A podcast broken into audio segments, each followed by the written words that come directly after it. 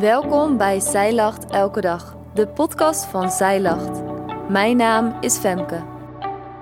Dit is de overdenking van 12 januari, geschreven door schrijfster Sarah Rokach. Moedeloos en neergeslagen kijk ik soms naar de wereld en al het leed dat geleden wordt. Waar gaat dit heen? Elke sabbat opnieuw klinkt Psalm 92 in de synagoge. De woorden brengen mij iedere keer weer hoop. Hoop voor een betere toekomst. Door een kijkje in een nieuwe wereld.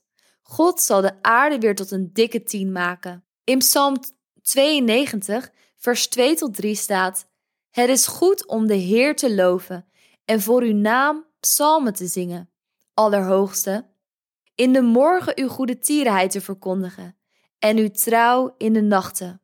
Het is goed om God te prijzen in de ochtend en in de avond. Dat mag letterlijk opgevat worden.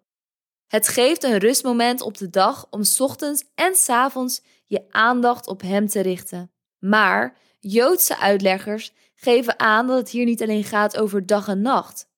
Psalm 92 werpt ook een blik op de nieuwe wereld. De morgen is dan het moment waarop de nieuwe aarde is gekomen. Dan zullen we God prijzen. Dan is alles een dikke tien en mogen we Hem helemaal leren kennen. Op dit moment bevinden we ons nog in de gebroken wereld, in de nacht.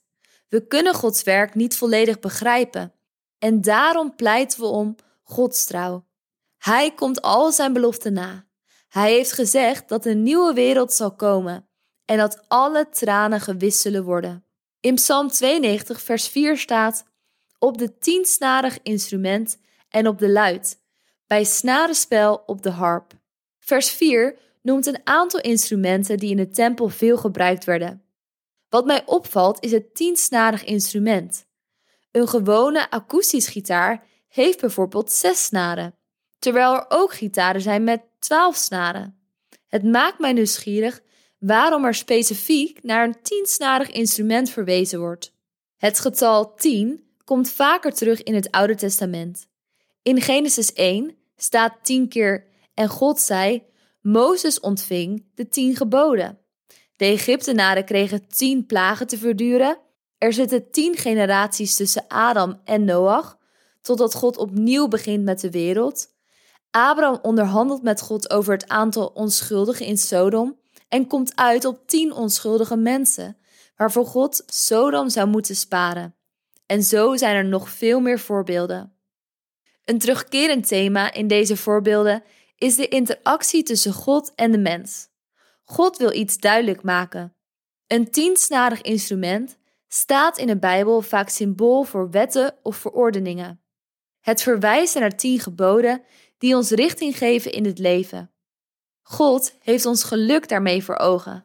Maar een instrument is slechts een voorwerp als de mens het niet leert te bespelen. De tien geboden zijn slechts woorden als er niet naar geluisterd wordt. Welke kant ga jij op? Pak jij het tiensnarig instrument op en leer je God te prijzen? In Psalm 92, vers 8 staat: Wanneer de goddelozen groeien als gras en allen die onrecht bedrijven, bloeien om tot in de eeuwigheid weggevaagd te worden. De psalmist komt tot een interessante vraag. Waarom lijkt het alsof de zondaren een dikke tien krijgen?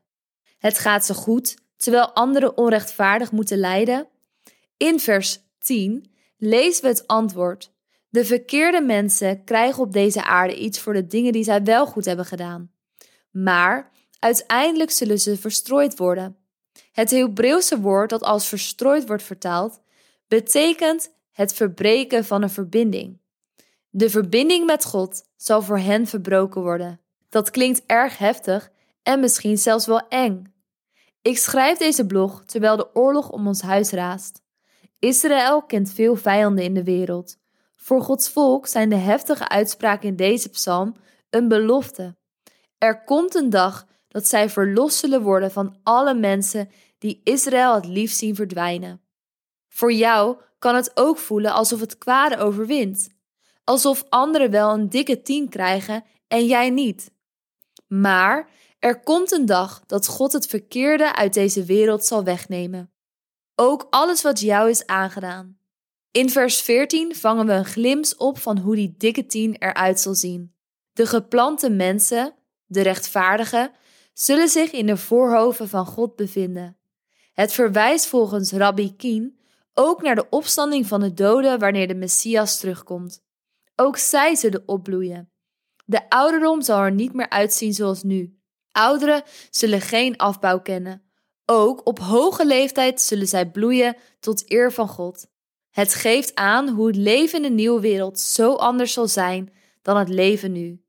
Wat een hoop en wat een vooruitzicht. Op 14 februari start de 40 dagen tijd. In dit leesplan, Feest van Bevrijding, volg je de Israëlieten in hun reis door de woestijn van slavernij naar vrijheid. En je ontdekt samen met de eerste volgelingen van Jezus over het leven in Gods koninkrijk. Wil jij meer toeleven naar Pasen?